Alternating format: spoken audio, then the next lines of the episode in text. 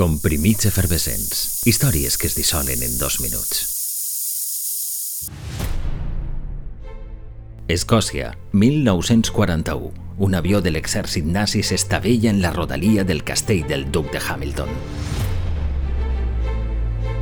L'aparell anava desocupat perquè poc abans el pilot es va llançar en paracaigudes.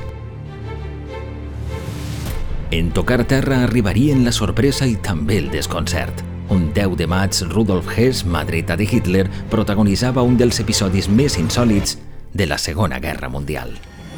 Hess es presentà davant l'aristòcrata i li va demanar audiència amb el primer ministre Winston Churchill. Una reunió, segons l'oficial nazi, amb la fi de plantejar-li un acord de pau. Però aquella proposta imprevista i per descomptat del tot informal no convencé el duc de Hamilton. Considerat criminal de guerra, Hayes mai no es reuniria amb Churchill. Acabaria presoner en la Torre de Londres. Aquella enigmàtica acció ha sigut objecte d'anàlisi i debat per part dels historiadors. Alguns pensen que realment es tractava d'una proposta seriosa, que permetria a les tropes de Hitler expandir-se cap a la Unió Soviètica sense haver de preocupar-se de pressions aliades per Occident. Altres, per contra, diuen que Hitler, en assabentar-se de l'enigmàtic vol, va considerar-lo obra d'un boig. Fora com fora, acabat el conflicte mundial, Hess seria condemnat a cadena perpètua en el procés de Nuremberg.